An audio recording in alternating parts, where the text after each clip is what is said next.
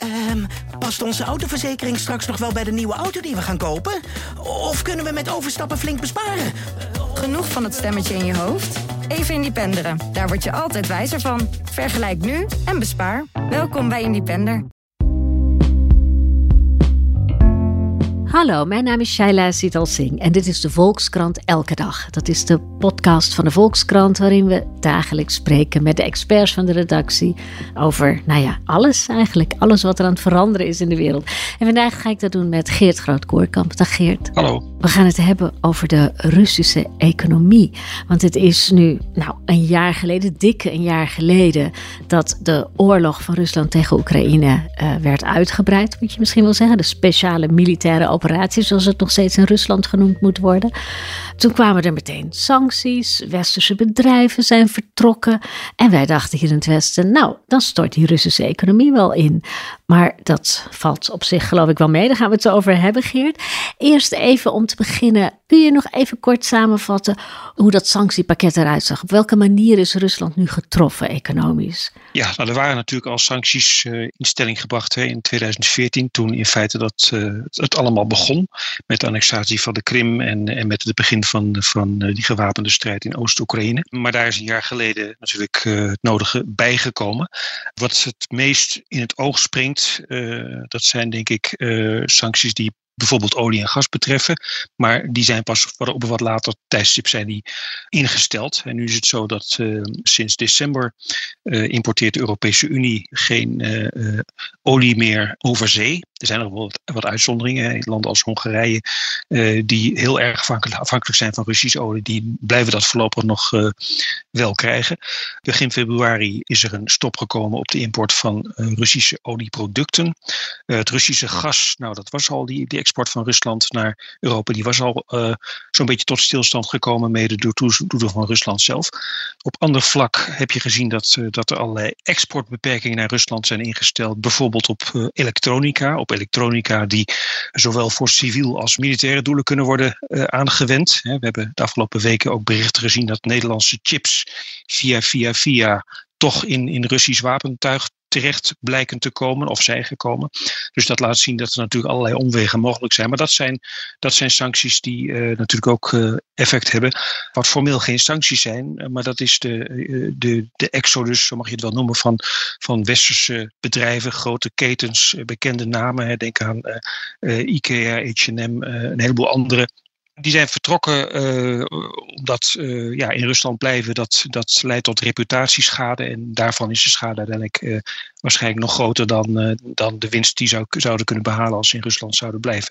Er zijn ook bedrijven, Renault is een bekend voorbeeld, die weg zijn gegaan en hun, hun fabrieken zeg maar, voor een habbekrats hebben, hebben overgedaan aan een Russisch bedrijf, maar wel met de clausule dat ze TZT weer terug zullen kunnen komen. Er zijn meerdere bedrijven die dat hebben gedaan. En als we het over de automobielindustrie hebben, dan is dat een van de sectoren waar, die, waar dat vertrek van westerse bedrijven natuurlijk de grootste impact heeft gehad. Want er waren veel westerse uh, automerken die in Rusland produceerden, in Sint-Petersburg, in Moskou, in Kaliningrad, in Kaluga. Eigenlijk alle grote merken waren daar vertegenwoordigd en die zijn bijna allemaal weggegaan. Met als gevolg dat de Russische automobielindustrie ja, zeg maar met 80% is gekelderd. En dus dat heeft ook weer enorme impact op de mensen die daar werkten. Die werden nog lang doorbetaald, maar vroeg of laat komen die natuurlijk ook op straat staan. Dus dat heeft ook een behoorlijk sociale, sociale impact gehad. Tot slot zijn er nog sancties, individuele sancties tegen uh, vele honderden, zelfs meer dan duizend uh, ja, Russische functionarissen, ook rijke Russen, oligarchen, allemaal mensen die betrokken zijn of banden hebben met, met de Russische leiding. Ja, die mogen niet reizen, die kunnen niet bij hun geld in het Westen, dat soort sancties, hè? Ja, tegoeden zijn, zijn bevroren. Nou, we kennen de verhalen van, van villa's en, en jachten waar ze niet meer bij kunnen. En daarbij komt ook nog dat tegoeden van de Russische overheid hè, in, in, in het buitenland, in het het Westen, die zijn ook bevroren. Die kan Rusland bijvoorbeeld dus niet gebruiken nu om bijvoorbeeld schulden af te betalen. Dus dat heeft ook een behoorlijke economische impact op, op de Russische staat. En nou de, de gevolgen van, voor alle dag, voor de Russen daar. Zeg maar de ketens die weg zijn, waar je het over hebt gehad. Hè? Dat zijn consumentenketens veelal, die zijn weggetrokken. Hebben daar um, gewone Russen, even tussen aanhalingstekens, nou last van? Of kopen ze hun broek wel ergens anders? Of, en hun, halen ze hun fastfood wel ergens anders weg is? Als je rondkijkt in Moskou en Sint-Petersburg, en natuurlijk de, twee grootste steden van het land, die niet per se representatief zijn voor het hele land, maar wel een goede indicator. Er woont toch uh, iets van uh, nou, 15, 15 procent van de Russische bevolking woont daar.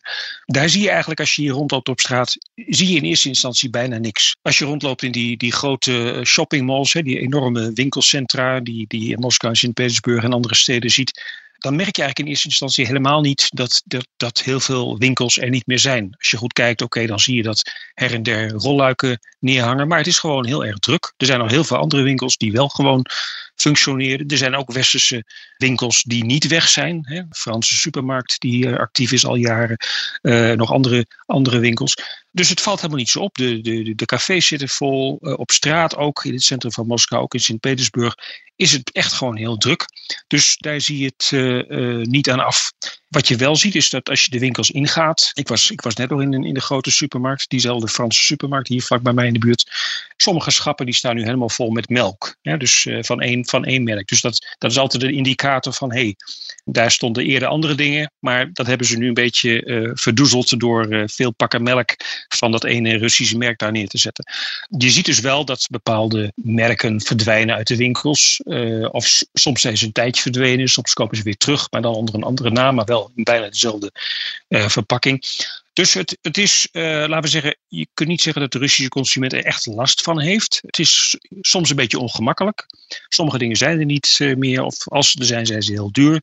Ik ging net op zoek naar ehm, koffiefilters. Dat is, nou, die, die, die zijn heel moeilijk te vinden. En een, een pakje van 100 koffiefilters kost hier nu ongeveer omgerekend 7 tot 8 euro. Nou, dat is in Nederland, weet ik zeker, beduidend goedkoper.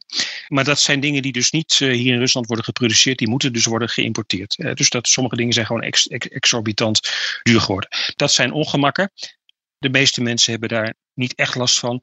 En wat je hier ook altijd bij moet bedenken is dat uh, ja, Russen zijn natuurlijk wel door de wol geverfd. Hè. Dit is al de vijfde of de zesde grote economische crisis die ze de afgelopen tientallen jaren hebben doorgemaakt. Uh, de oudere Russen vooral, die, die kennen de tijden dat het überhaupt nog veel beroerder was dan dat het nu is. Dus het is allemaal heel erg betrekkelijk. En dat maakt ook dat, uh, ja, dat je niet moet denken dat, dat er nu paniek ont, uh, uitbreekt onder, onder de Russische bevolking, omdat, uh, ja, omdat het in de consumentensector wat, wat stroever gaat allemaal. Ja, geen, geen paniek omdat de IKEA weg is. Ja, dus dat is op consumentenniveau. En als je kijkt op niveau van werkgelegenheid, je noemde net al die auto-industrie, daar werkten ook veel mensen, dat, dat is echt weggevallen.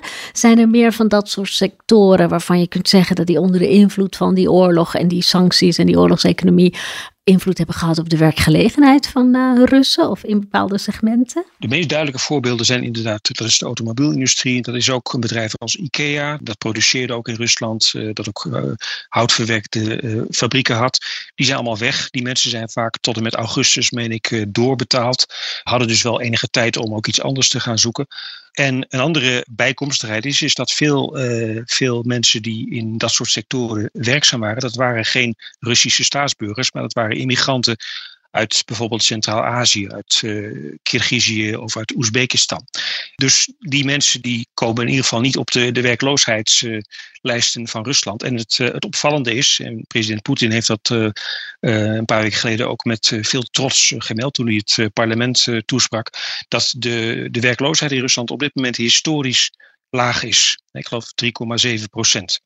Dat is een geflatteerd cijfer. Dat is, dat is altijd een geflatteerd cijfer in Rusland. Omdat uh, in Rusland uh, zijn er heel veel mensen die, die hebben geen volle baan. Hè. Die, die, die, die werken in deeltijd. Uh, soms worden mensen nou, niet ontslagen, maar zijn ze niet meer nodig in een bepaald bedrijf. Maar blijven ze toch op de loonlijst staan. in de hoop ook dat ze, dat ze TZT weer kunnen terugkomen. En die mensen die gaan dus ook niet naar de overheid om een uitkering te vragen. Dus die cijfers, daar moet je heel, heel voorzichtig mee zijn. Het is dus niet zo dat er een meetbaar heel groot effect is van, van die sancties of het vertrek van bedrijven uit Rusland op, op de werkgelegenheid. Dat kan veranderen. Hè, dus we hebben het over de olie- en gas industrie gehad. Wat daar gebeurt, dat gaat natuurlijk effect hebben. Misschien niet, uh, niet vandaag op morgen, maar er zijn nu al uh, voorspellingen dat uh, in, tegen 2030 de, de Russische olieproductie met iets van 25% of misschien zelfs meer zal teruglopen. Dus dat betekent dat, dat Rusland ook olievelden zal moeten gaan sluiten.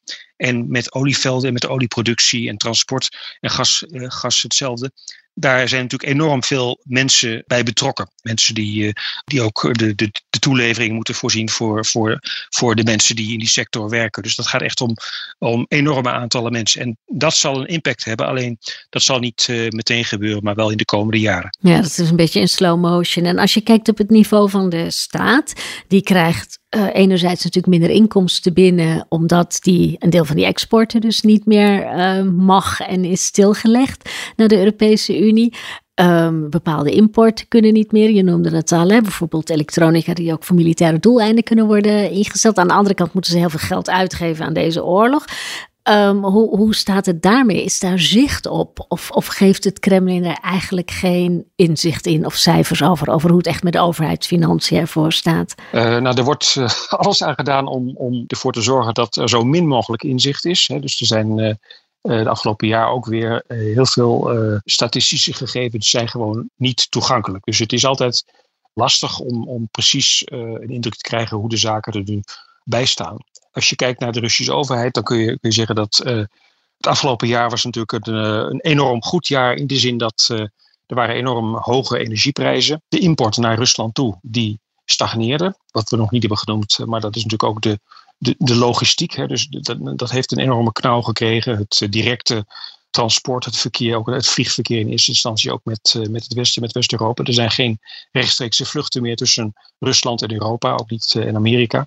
Dat heeft natuurlijk uh, een effect gehad. Maar de, de import in Rusland, naar Rusland toe, die is gestagneerd. En de export, de inkomsten daarvan, die gingen enorm omhoog. Omdat zelfs bij verminderde export waren de prijzen zo hoog dat Rusland gewoon recordinkomsten heeft gehad het afgelopen jaar. dus dat betekent dat Rusland op dit moment goed bij kas zit. Uh, dat zal nog een tijdje zo blijven. Maar ook dat verandert. Hè, want uh, nu met al die uh, beperkingen, die, die exportbeperkingen van, op Russische, Russische fossiele brandstoffen. Niet alleen olie en gas, maar denk ook aan steenkool. Hè, dat wordt ook een groot probleem voor Rusland, de steenkoolsector. en hout trouwens ook, de houtexport naar Europa. Al dat soort, al die export, dat gaat minder worden. En dat betekent dat ja, nogmaals, zoals je net zei, in slow motion. Niet meteen, niet vandaag op morgen, zelfs niet uh, dit jaar, maar wel de komende jaren, dat ze effecten gaat hebben. Dat Rusland, je zult zien dat Rusland dus uh, steeds meer een, uh, ja, een begrotingstekort gaat zien dat dat uh, snel kan gaan groeien. En die ontwijkingen van het sanctieregime, je had het er net al over die uh, Nederlandse chips, die dan toch via een omweg in Rusland blijken op te duiken. Gebeurt dat met meer producten, dat die via derde landen toch nog Rusland binnenkomen, al was dat helemaal de bedoeling niet? Dat is natuurlijk onvermijdelijk. Hè? Toen in uh, een jaar of tien geleden Rusland zelf sancties instelt, hè? dus tegensancties waren dat dus eh, van dat moment af mocht, eh, mochten er geen westerse eh, groenten en fruit worden geïmporteerd naar Rusland uh, of geëxporteerd naar Rusland vanuit Europa. Maar al heel snel verschenen dus fruit, peren, appels, noem maar op, uh, die overduidelijk uit Nederland of België kwamen, uit het westen kwamen. Er kwam zalm binnen die uh, ongetwijfeld uit Noorwegen kwam, maar als herkomst Wit-Rusland had. Een land dat helemaal geen, niet aan zee ligt en geen zalmteelt heeft.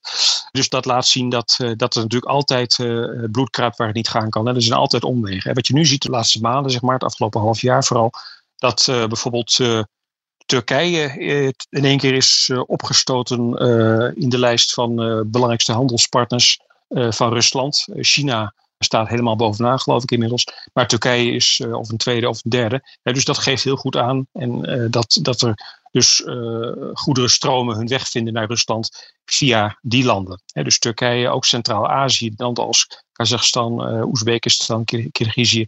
Dat zijn landen waar dus uh, de export vanuit het westen naartoe neemt. En via die landen komen dus veel goederen, veel producten, dus ook weer Rusland binnen. De reden achter sancties is dan dat je probeert om zo'n economie een beetje af te knijpen. Ook in de hoop dat een bevolking zich dan ook gaat keren tegen zijn eigen overheid. Hè? Maar hoe de bevolking in Rusland denkt over de oorlog, dat lijkt niet heel erg beïnvloed te worden door de sancties tot dusver. Nee, ik denk dat de meeste mensen leggen niet een rechtstreeks verband. Uh, en, en, en zoals ik al zei, de, Russen hebben het veel erger gezien. En uh, ja, er moet wel er moet wel heel veel gebeuren voordat mensen hier echt uh, de straat op gaan, omdat, uh, omdat het economisch uh, niet, meer, niet meer te bolwerken is. Hè. Dus die, die link wordt niet direct gelegd. Want Russen steunen de oorlog nog steeds, hè? Ja, dat, is ook, dat blijft een probleem. Dat is ook iets wat heel moeilijk te meten is. Er zijn natuurlijk opiniepeilingen, ook van, van hele gezaghebbende, of in ieder geval van één gezaghebbend onafhankelijk instituut, het Levada Centrum, dat vaak wordt geciteerd.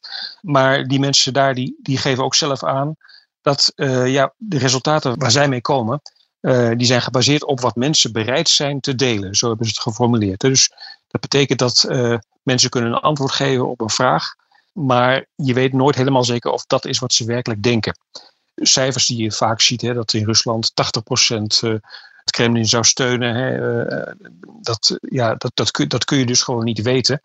De indruk van veel, uh, van, van, van veel onderzoekers, en dat is ook mijn persoonlijke indruk, is, is dat er heel veel mensen zijn die eigenlijk zeg maar weet niet geen mening hebben. Hè? Dus die, die, die zich niet echt uitspreken, die het eigenlijk allemaal wel vrij beroerd vinden. Maar aan de ene kant met het dilemma zitten van ja, ze moeten, ze moeten hun land op een manier steunen als dat land in conflict is met de buitenwereld. Maar als bijvoorbeeld morgen president Poetin zegt van nou het is klaar, het is over, we houden ermee op, de, we halen onze mensen weer terug naar huis, dan vinden die mensen dat ook prima. Dus dat is een hele grote middenmoot. Procentueel gezien heeft niet zoveel zin om dat aan te duiden, maar dat is denk ik een meerderheid. En je hebt dan ter linkerzijde of ter rechterzijde heb je dan ja, de, de mensen die radicaal voor zijn en de mensen die radicaal tegen zijn. En in beide gevallen gaat dat in ieder geval om miljoenen mensen. dus dat kun je ook, dan moet je ook constateren dat er in Rusland natuurlijk als 10% uh, eh, tegen is, dan is er toch altijd, uh, nou pakweg 14 miljoen mensen. Het gaat dus echt om miljoenen mensen.